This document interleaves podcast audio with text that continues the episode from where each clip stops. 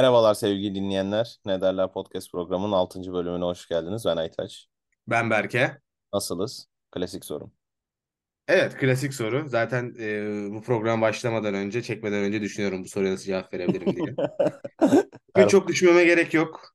Evet. Derbi galibiyeti sonrası nasıl bir derbi e, kazanan bir ta- taraftar mutsuz olabilir? O yüzden bu sorunun esas merak ettiğim tarafı sen. Sen Evet. nasılsın? Bana yöneltilmesi konusunda ne cevap verebilirim diye ben de uykularım kaçarcasına düşündüm. Hı Kötü, hı. kırgınım, çok kırgınım. Ama kendi takımıma değil. Ben Kime? Beşiktaş'a kızgınım ya. Hocam bu taraftarın Celali. Beşiktaş'ın 12. numarası. Saha içindeydi ya. Top oynatmadılar bize. Üstüne zaten detaylı bir şekilde değineceğiz. Burak Evet. Elmas yönetimin bırakmasına rağmen Galatasaray'a zarar vermeye devam ediyor. Buradan Gedson Fernandes ve onu almayan Burak Elmas'a saygılarımı ve sevgilerimi sunuyorum. Hiçbir şey demiyorum. Gedson Fernandes'in şeyinden sonra, performansından sonra hiçbir şey diyemiyorum yani. Kötü. direkt Ge- Getson Fernandes özelinde konuşarak istersen derbiye girelim. Ha valla maçı belirleyen et, en önemli etkenlerden biriydi Gedson Fernandes'in bence e, performansı. O yüzden sana bir Beşiktaşlı gözünden Gedson Fernandes'in derbiyi etki eden performansı hakkında birkaç yorumunu sorayım. Ya bence hani hem gol hem de asist yapmayıp bir derbiyi bu kadar etkileyen hani son zamanda bir Kim Min-jae vardı. Son anda Kim Min-jae Evet. Türkiye Kupalarındaki maçta çok etki etmişti ama bu Gedson Fernandes şimdi istatistiklerine baktım. Mesela 32 tane ikili mücadeleye girip 23 tanesini kazanmış. İnanılmaz abi. Ee, 10, 10 tane girişimden 8 tanesini top çalmış ve esas bombayı söylüyorum. 9 girişimde 7 tane de çalım atmış. Evet. Yani e, iki yönü de o kadar iyi oynadı ki. Beşiktaş'ı çok büyük rahatlattı. Yani hatta beraber izliyorduk artık sen dedin yani yeter be abi bir sal yani bir bırak. Top oynatmadılar. Top oynatmadı. Yani kovalamaya başladı her adama dokundu herhalde. dokundu. Yani Torreira'yla görevimi değiştirdiler dedim Gedson Fernandes'i. Ya Gedson Fernandes'i ayıp ettik. Onun da bir herhalde hıncı var içerisinde ama Var. Derbi, taraftar derken bunlar da tabii etken oluyor. Ee, bu hınçla birlikte bir, birleşince çok ciddi bir performans ortaya koyuyor. Sinirim bozuldu maçta benim. Ya evet yani şey peşini bırakmıyor. Hani fakir kantesi gibi oynadı. Ya inanılmazdı. Bir şey diyemiyorum ben. Gülüyorum, üzülüyorum. Bir şey diyemiyorum. Şey. Vallahi. Peki Galatasaray'ın mağlubiyetindeki en önemli etkenini olarak görüyorsun ya da etkenleri bir Galatasaray yorumu almak istiyorum senden. Ya şimdi Galatasaray e, gole kadar gayet mantıklı oynadı. Hı hı, e, orta sahayı falan o işte kaç 10 19'da attı yan, yanılmıyorsam Icardi. 19-20 gibi bir şey attı. hı hı, O süre zarfına kadar olabildiğince en azından Raşitsa'ya, Mertens'ten falan bağlantı kuruluyordu. Ama golden sonra birazcık daha yavaş yavaş Beşiktaş oyunu or- özellikle orta sahayı ele geçirmeye başladı. Gol olduktan sonra 30. 35. dakikada sayı sattı. 35 ila 65 arasında Galatasaray tamamen şalteri kapadı. Sergio Oliveira bir kere ön plana koymam lazım bu maçta. Çok kötü bir performans gösterdi. Ya şöyle kötü bir performans gösterdi. Sergio Oliveira için çok kötü performanstı. Sen Bence ne diyorsun mesela? E, Oliveira'yı tabii hani yaptığı hatadan sonra zaten çok kötü oynadı yorumları gelecektir ama zaten kötü oynamasının sinyalini golden sonra vermeye başladı. Golden önce de. Yani ayakta duramadı derbide. Özellikle Oliveira'nın kalitesine göre sergilemiş olduğu kötü performansı ben Beşiktaş'ın orta sahaya hükmetmesine bağlamak istiyorum biraz da. İnanılmaz mücadele ettiler. Oliveira'yı oynatmadılar. Her türlü ikili mücadelede Oliveira yerdeydi fark ederseniz zaten. Evet doğru diyorsun. Çok yırtıcı bir orta sahası vardı Beşiktaş'ın E, hani. Ve dayanamadı. Oliveira'nın zaten fizik gücü ve driblinginin o kadar iyi olmadığını, daha kreatif ve yetenekli bir oyuncu olduğunu söylemiştik. E, Evet. o baskı zaten hem moralman Oliveira'yı çökertirken hem de Oliveira'ya yapılan baskı gole çevrildi. Ya bir de o baskıyı yapan mesela Beşiktaş'taki 6 numara yani defansif öndeki çapa adam gidip Oliveira'ya rakip ceza sahasının önünde basıyor mesela. Öyle bir baskısı vardı Beşiktaş'ın orta sahada ve bunu dediğim gibi ikinci yarının 60 ya zaten 45 ile 60 arasında Beşiktaş'ın gol bulamaması mucizeviydi. Çünkü çok bastırıyordu ama Oliveira'nın o hatasıyla bulması e, Oliveira'nın hani kötü performansını taşlandırdı hani kötü anlamda taşlandırdı. Kesinlikle özellikle orta sahada e, hükmedilmeye daha elverişli bir Galatasaray var fizik gücü manasında. Oliveira, Mertens ve Torreira'yı düşündüğünde aslında fizik kapasiteleri çok yerinde değil. Daha mobil oyunla rakibi yormaya çalışan, daha teknik bir orta saha bizimkisi. Evet. Şimdi buna karşı ben Okan Buruk'tan oyunu geniş alana yaymasını beklerdim. Daha Kanatlara doğru hı. Ama tabii dün de bunu maç esnasında sürekli eleştirdiğim bir şey. Kerem'in e, daha hani sol kanat forvet gibi içe kat oynaması ve Adekugbe'nin aslında sol taraftan oyunu genişletmeye çalışması e, yetenek bazında değerlendirildiğinde kötü bir taktik oluyor. Neden? Çünkü Adekugbe top kaybedebiliyor, geri dönemiyor. Bu sefer topu ileride tutma süren bu yüzden azalıyor. Sürekli geri geri gitmek zorunda kalıyorsun. Aslında daha geniş bir alana yayabilirdik oyunu. Onu başaramadık. Orta sahada da zaten Beşiktaş ve Lazrail Şenol hocam çok iyi çalışmış. Mertens, Oliveira ve Kerem bağlantısını kesince zaten Galatasaray çöktü diyebiliriz aslında. Ya Mesela Adekubbe, Ate, Adekubbe, Sam Adekugbe. çok büyük, çok sırıttı. Yani Evet, bu maç. bu seviyenin topçusu olmadığını bir kere daha herkese hatırlattı. Zaten e, tabii Galatasaray'ın ilk 11'inde mesela Raşitsa'nın denkleme dahil olmasında Adekubbe'nin büyük bir e, avantajı var tabii. Sonuçta onu bir Türk futbolcu yerine geçip onu koyuyor ama mesela ben kendi kendime şeyi soruyorum. Ha, Kazımcan, Emre Taşdemir ne kadar kötü olabilir Adekubbe'den? Bence daha da iyi olurlar. Yani çünkü bu sefer e, Okan Buruk bu kadar ofansif ve geniş alanda oynatmaz oynayan Türk oyuncuları. Evet. Yani daha gerçekten left back gibi oynatır. Yani sol back daha defansif ya da gelip arada orta kessin. Desteklesin yani. Onun üstüne bir hücum kurmaz. Bak Boey'i de anlıyorum. Boey bunu karşılayabiliyor. Ayı net karşılıyor. Evet yani hücum üstünden hücum kurmayı Boey zaten geldiğinden beri çok iyi yapıyor. Abi Bunu zaten en kötü karşılayabiliyor. zaten yani bak şimdi Adekubbe'de hücum yapamıyor. Defansif anlamda sıkıntılı. Ya bari birisini yap. Mesela Sacha Boey bence aynı zamanda çok iyi de müdafacı. Evet. Birebir de falan. Çok zor geçmedi e, Boey'i. Bir de geri de dönüyor.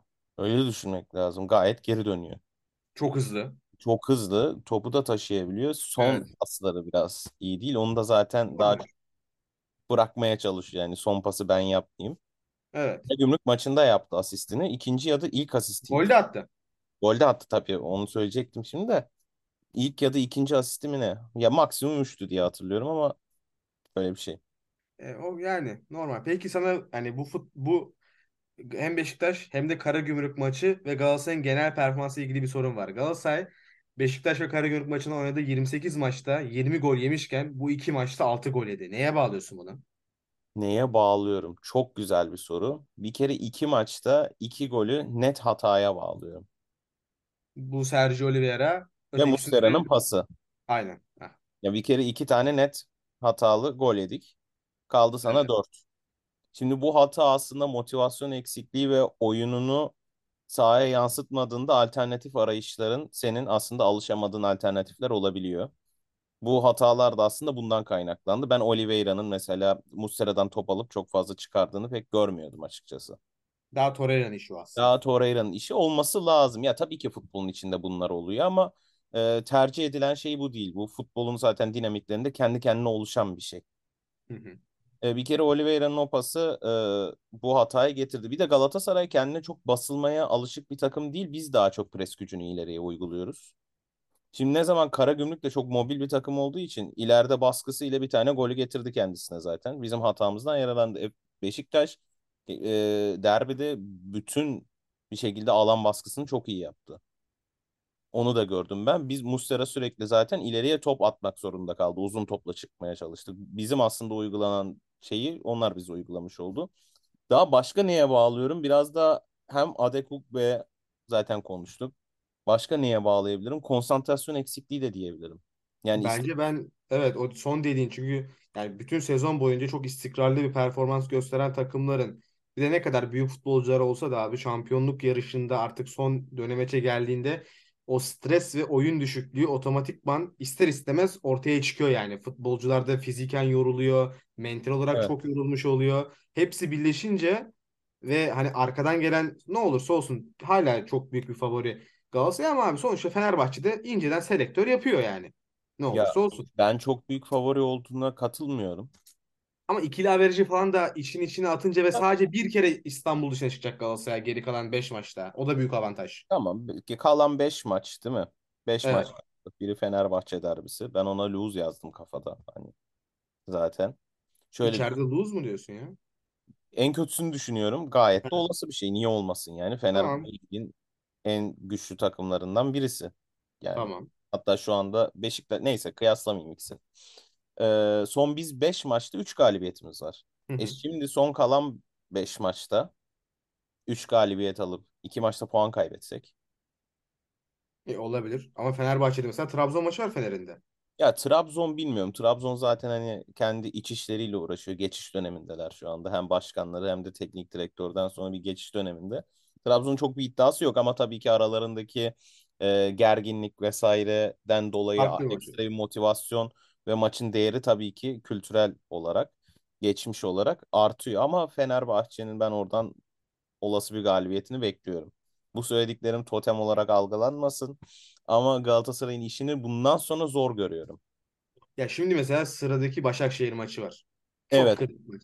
Orada dediğin gibi olası bir beraberlik. Mağlubiyeti bile gerek yok. Beraberlik Fenerbahçe çünkü Giresun deplasmanında. Hadi ona 3 puan yazalım ki yani Fenerbahçeli taraftarlar da bize hak verecektir. Fenerbahçe böyle en kritik, en e, banko görülen 3 puanları en kolay örnek. Biz bir önceki programı çekerken İstanbulspor maçında oldu. evet. 3-3 oldu. Öyle durumlar da olabiliyor. Ee, yani her şey Başakşehir maçında dediğim gibi olası bir beraberlik puan kaybında işler daha da karışabilir. Ya son birkaç şey söyleyeyim. Daha maç üzerinde konuşmak istediğim bir şeyler varsa e, ekleyelim ama bundan sonraki e, Galatasaray'ın sürecini Galatasaray'ın bu mağlubiyetlere ve puan kayıplarına verdiği reaksiyon aslında belirleyecek.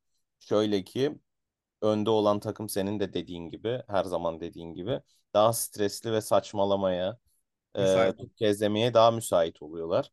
Biz de bundan sonra stres yönetimi, motivasyon ve odağımızı, konsantrasyonumuzu iyi yönetmeliyiz bu Evet. Galatasaray son düzlükleri iyi oynayan bir takım olarak her zaman bilinir. Ama hı. bu takımın da daha böyle kaostan, stresten uzak, daha şen şakrak, daha aile havasında olan ve hani daha böyle pozitif enerjiye alışık ve ona ihtiyaç duyan bir takım olduğunu unutmamak lazım. Bu takım üstüne eklenen ve Türkiye şartlarında inanılmaz olası olan e, negatif ve stresle mücadele de acaba nasıl bir sınav verecek? Bunu da önümüzdeki günlerde göreceğiz diye düşünüyorum. Ya tabii e, dediğin doğru. Ya bir de yani o dediğine ek olarak aslında baktığında Galatasaray'ın şu anki futbolcuların yani ilk 11'de oynadığı futbolcuların bu tarz durumlardan çok fazla hayatını yaşadıklarını ben düşünüyorum. Çok büyük topçular var çünkü. Oliveira'sı, Mertens'i, Torreira'sı, Tabii. Icardi'si. Bunların altından kalkabilecek naçizane oyuncular olduğunda ekstradan eklemek isterim.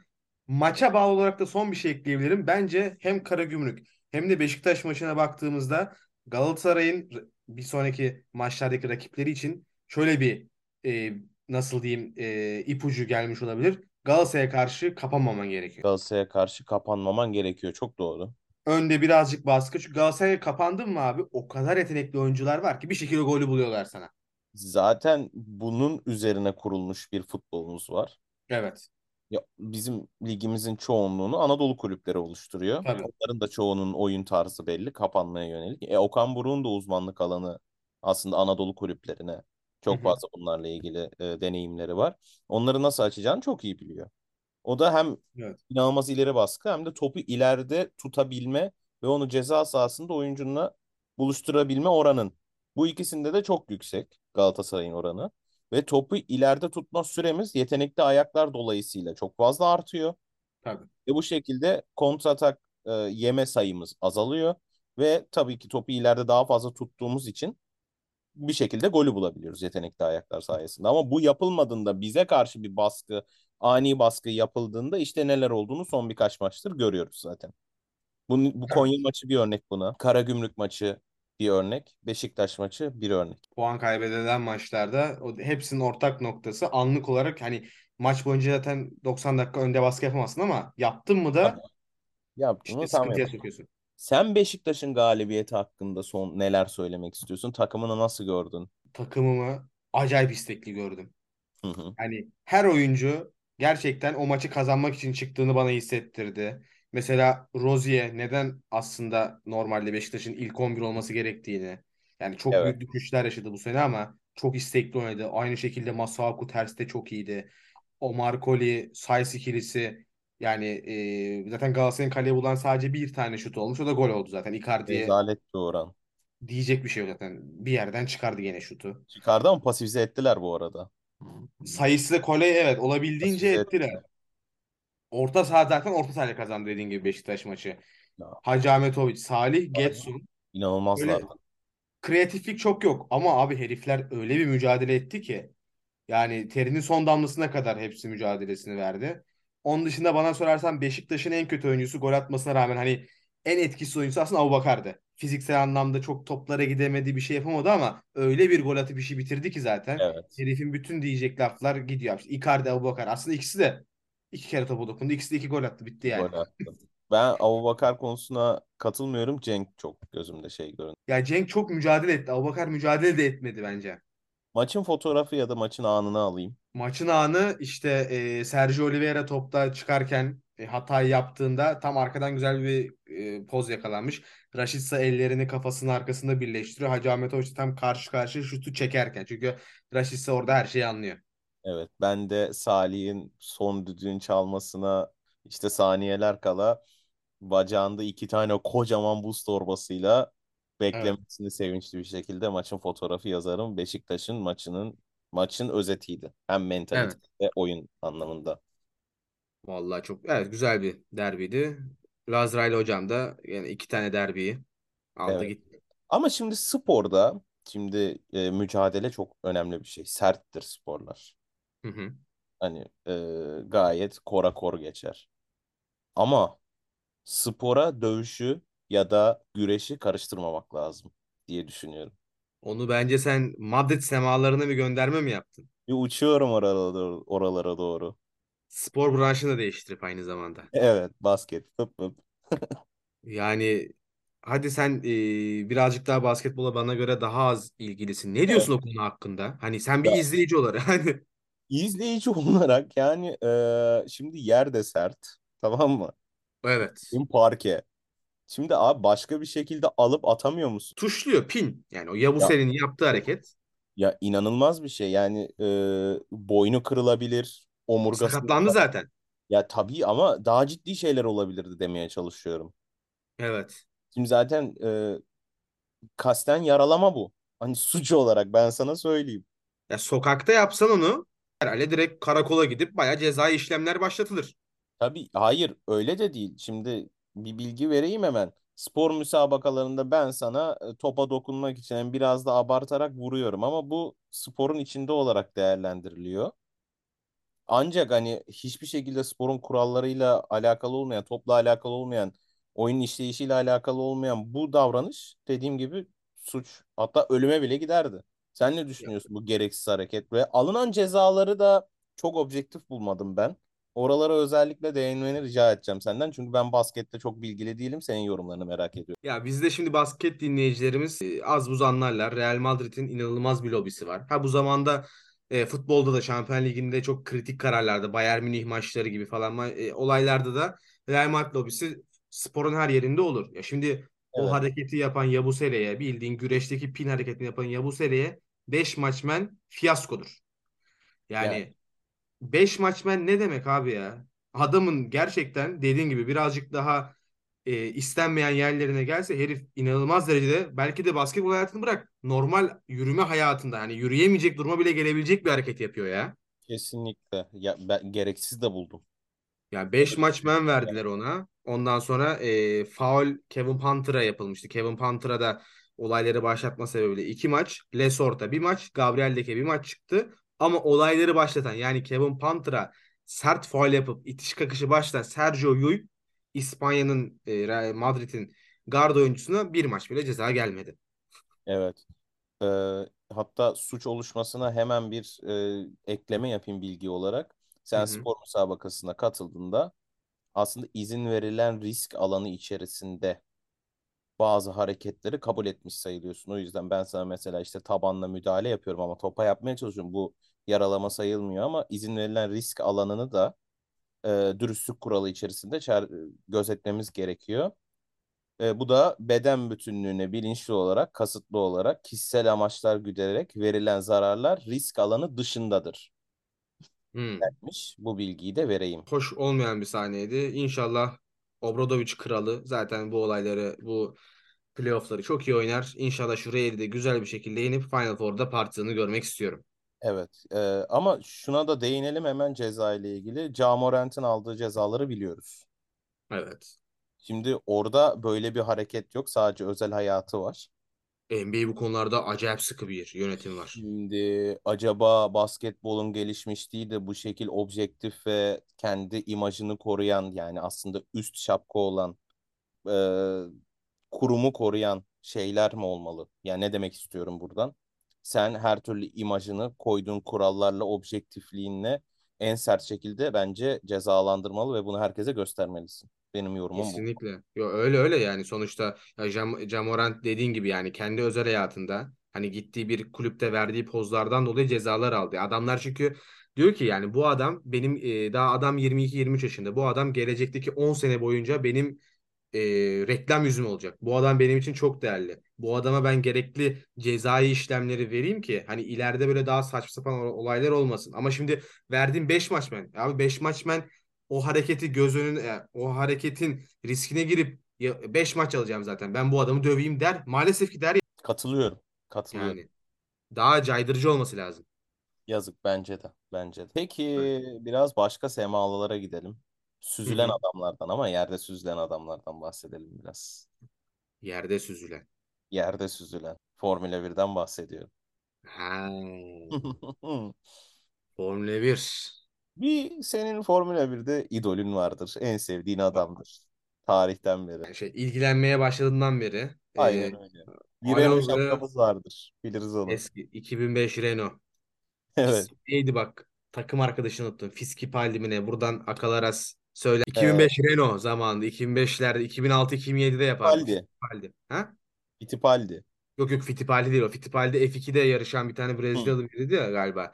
Neyse hani o akal bizi en kötü düzeltir bir sonraki bölümde güzel. söyleriz. Alonso evet benim çok farklı bir sevdam vardır. Her zaman Alonso, Alonso'cuyuzdur. Safımız bellidir. Bu sene de Alonso'yu böyle 3 kere podyum bir kere dördüncülükle görmek beni çok mutlu ediyor.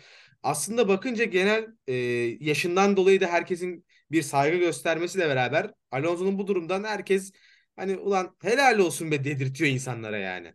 Ama bu payda hem Alonso'nun tabii ki şoförlüğü, yani pilotluğu, şoförlük. Evet o Pilotluğu çok pilotluğu ayrı bir yerde tutulmalı ama Aston Martin yükselişini de bir konuşmalıyız. Aston Martin'in e, Lance Stroll'ün babasıyla beraber. Mr. Stroll. Mr. Aga buraları çok düzeltecek bence. Neyse. E, Mr. Stroll Red Bull'a çok benzeyen bir araba yap- yaptı dediler. Baba yapmış. Baba inşa etmiş. Baba yarışıyor yani. Baba yarışıyor. Baba yarışıyor. Oğlan da e, Alonso'nun arkasında kaldı. Lance Stroll birazcık arkasında kaldı. Ya o kadar kalacak abi yani o, sürücü işte pilotluk farkı da orada ortaya çıkıyor. Tabii tabii. Ama Tabii Aston zaten. Martin iyi geldi kendine. Geçen senede o Vettel zamanlarını düşününce çok iyi durumda. Bence de. Peki burada Ferrari ne kadar sorumludur sence? Ferrari Ferrari hakkında zaten pek bir şey demeye gerek yok. Tablo ortada. Neyse şu Azerbaycan'da birazcık toparladılar. O bir aylık Evet. yaz tatili herhalde bir toparlandılar. Bir podyum geldi. Bir podyum sonunda geldi. İşte pole pozisyonu falan filan aldılar ama yani bu Red Bull'larla kafa e, olmaz ya. Yok çok ayrı bir seviye çünkü. Peki Perez mi Verstappen mi? Biz her zaman Perezciyiz. Ben de Perezciyim. Biz her Yani zaman abi mazlumun yanındayız. Yani tabii ki de o klasik Futbolda da abi hiç ta- e, desteklemenin iki takım olsun. Hemen bir alt kademeyi seçersin istemeden. Yok abi çünkü Max çok iyi. Hiçbir lafım yok ama cadde pistinde tartışırım. Cadde pistinde.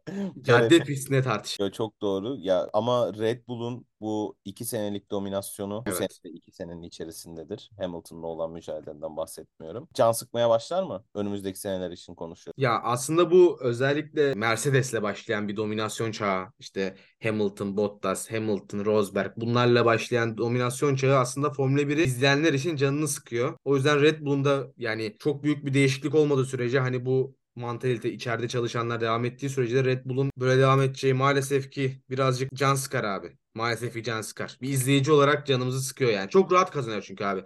Mesela dün Perez birinci oldu. Ee, şey ikinci oldu Verstappen. Aralarında 3 saniye fark. Aralarında Leclerc, arkasına Leclerc 18-19 saniye yani. Evet. Olmuyor hocam böyle ya. Çok haksız bir rekabet var şu an Red Bull'un o aerodinamikleri falan çok üst düzey. Ha bu arada ya tamam adamlar canımızı sıkıyor ama adamları takdir etmek lazım. Öyle bir araç dizayn ediyorlar ki Evet. yapacak hiçbir şey yok. Ya saygı duymamız lazım ama tabii rekabeti sağlamak adına Red Bull dışındaki mühendislerin de buna ayak uydurması mı lazım? Rekabet ortamında adamı şey yapmamız lazım gibi. Ee, onların Bilmiyorum. Bizim bence Formula 1 bölümümüz gelmiş. evet Formula 1 bölümü lazım gibi. Buradan Splinter Usta Akal'a selam ve davet yolluyorum ama buradan yolluyorum. Birebir yollamayacağım. Bakalım dinliyor mu? Dinleyince yazar. Hiç yazmıyorsa bir iki dinlemiyor. Cihaz. Bu aralar ben böyle bir şeye film boşluğuna ne izlesem ne etsem Abi falan. direkt film stajyer aç izle. Ya onun dışında bir şey söyle. Bu, bu adama ne zaman film sorsam 5-6 senedir. Stajyer o kadar oldu mu çıkalı vizyona bilmiyorum da. Daha ge- geçmiştir. Ee, ya sürekli bu filmi söylüyorsun hocam. İzledik ya anlatamadım bir türlü sana. Ama bak Robert Robert De Niro. Robert De Niro böyle bir oyunculuk yok. Ya adamın bir önceki en ünlü filmini hiç söylememe gerek yok herhalde. Ne sence? Ya Ne sence? nasıl ya? Ben Casino derim mesela. Benim için öyledir. Tamam fark et. Hadi kazino olsun. Oradaki rolünü bir düşün. Tamam. Değil stajyerdeki rolünü düşün. Böyle bir oyunculuk yok abi. Bu adam saygıyı hak ediyor. Ya tabii ki abi. Robert De Bana Niro'yu çok dokundu o film. Bilmiyorum ben çok seviyorum. Ya tabii öyle canım. Hani daha chill bir film. Senden bir Ozan film önerisi gelsin din, Ben dinleyiciler. yeni şimdi yarısındayım. Bölümü bitirince devam edip sonra dersime oturacağım. Çok hoşuma gitti ama. Safe House. Düşmanı korurken. Denzel Washington oynuyor. Aa. Ee, yanında da aa, adamın ismini unuttum ya. Bu arada stajyerde de ikinci rol arkadaşı da e, Amy Ben- neydi o? Ne? Anne Hathaway miydi? Heh Anne Hathaway doğru Amy. İyi bir ikili olmuş. Evet. Sen bir dizi önerisine geç bakayım. Ya şimdi dizi önerisi çok klasik bir dizi önereceğim aslında da. Hı hı. Yani bu, bunu insanlar %100 izlemiştir. Office diyeceğim. Ama Office değilse de bunu çok izlememiş insan olabilir. Çok fazla göz önünde ama bir Emily in Paris'i de izleyin. Yüzde yüz benim de önerim dinleyicilere buradan. Emily in Paris candır. Bütün ön yargılarınızı bir bakın. Rahat, hiçbir stres yok. Kesin. Bölümler 20-25 dakika. Güzel bir Paris manzarası da izliyorsunuz. Evet. Böyle bir Kesinlikle önerim Emily in Paris. Kesinlikle. Bu arada benim önerdiğim film Ryan Reynolds'la Denzel Washington oynuyor. Kesinlikle önerdiğim bir film. Ryan Reynolds. Korurken Safe House. Ryan Reynolds adam Adamdır. Wrexham'ı alarak daha da göstermiştir Net. adamlığı. Gareth Bale alıyor. İnşallah. İnşallah. Destekliyoruz. Benim son olarak dizi önerim ne olsun? Evet bir dizi var. Danışman. The Consultant. Amazon Prime'de izleyebilirsiniz. Bir de Daisy Jones and the Six yine Amazon Prime'da. Bu iki diziyi yüzde yüz öneriyorum. İkisi de kısa dizi. The Consultant devam edebilir ama e, şu anlık kısa dizi olarak görünüyor. Çok iyi iki dizi. Çok güzel iki yapım. Tebrik ediyorum herkes. O zaman Evet. Şimdi Amazon Prime, Netflix, fiyatlar falan derken fiyat hakkında bir konuşmamız gerekiyor mu sence? Bir son 2-3 dakika. E, ben Amazon Prime'a hiçbir zaman para vermedim. Çünkü Amazon'dan alışveriş yaptığında otomatik olarak senden sana Amazon Prime hediye edi- ediyordu. Şu anda Türk ekonomisi gereği Amazon'dan alışveriş yapamıyorum. Hala hediye ediyor mu bilmiyorum. Etmiyorsa yeni gelen fiyat güncellemesi sanırım 32 liraydı. 32 lirayı diğer rakipleriyle karşılaştırdığımda yine ucuz olarak görüyorum ama 32 lira bir üyeliğe vermek para ve birim bazında düşündüğünde işler acısı ama soğanla aynı para. Peki 38 bin liralık bir e, maç bileti alır mısın? Dünya Kupası 8 finali. bin liralık maç bileti alırım ama o maça gitmem. E, O zaman o konu hakkında bir son 2 dakikamızı ona harcayalım. Ne diyorsun? Ne döndüğünü kesinlikle bilmiyoruz o Tuzla Spor Eyüp Spor maçında. Konuyu açıklayayım istersen hemen Lütfen dinleyicilerimize. herkes bir dinlesin. Cumartesi günü yani hangi 30 29 Mayıs oluyor. Hı hı. 29 ay 29 Nisan. Nisan Cumartesi günü Tuzla Spor Eyüp Spor maçı oynandı. Tuzlaspor'un ev sahibi biletleri 38.500 lirayken deplasman bileti Eyüpspor'un biletleri 50.000 liraydı. Ve Maşallah. 205 tane Eyüpspor bileti alınmış. Yani 10 milyonluk bir ciro. Tuzlaspor'un herhalde. Ya Tuzlaspor'u geçtim. Yani Evet. büyüklerin bile bilet satarak böyle bir ciroya yani akıl alır gibi değil ya. Ya bu konu hakkında diyecek bir lafım yok. Hani mantıklı bir açıklamasın zaten Özellikle taraftarın gitmemiş olması yani o biletleri taraftar mı aldı diye zaten hani gitselerdi bile şüphe vardı ama gitmemiş olmalarıyla bu kadar açıktan hani değişik bir iş döndüğünün görülüyor. Yani Bence garip. Ben yani tek hatta seninle de paylaşmıştım. Acaba hani Tuzla Spor satılacak da bu yol üzerinden takımın içine para aktarma mı tarzı öyle bir şey mi diye düşündüm. Ama o da neden ne alaka dedim. Bir sıkıntı var orada ama ya. Çok ilginç ama ben bir taraftar olarak hiçbir maça o parayı vermem. Veremem yani şu anda veremem. Ya, o veremem, veremem. Evet. Böyle Teşekkür ederiz değerli yorumların için. Güzel bir Ben bölüm. sağ olasın. Yayın günümüz. Bugün çektiğimiz gün 1 Mayıs İşçi Bayramı. Buradan Evet. bütün emekçilerin İşçi Bayramı'nı kutluyorum. Kutsal bir gündür. Kutsal bir gün. Ee, ve bölümü artık sonlandırıyorum. Bir sonraki pazartesi günü çekim günümüzde görüşmek üzere. Salı Sevgili- günde yayın günü. Yayın günü. Evet, salı günü. Buradan kurgucu Bahri Aka'da yarına yetiştirmesi üzerine bir şey yollayalım. Ultimatum. Ultimatum. Teşekkür ederiz. Evet, Ne Derler Podcast programının bir bölümünün daha sonuna geldik. Biz dinlediğiniz için, senin de güzel yorumların ve bana eşlik ettiğin için teşekkür ediyoruz. Ben teşekkür ederim. Herkese iyi 1 Mayıslar ama geçmiş olsun. Evet, görüşmek üzere.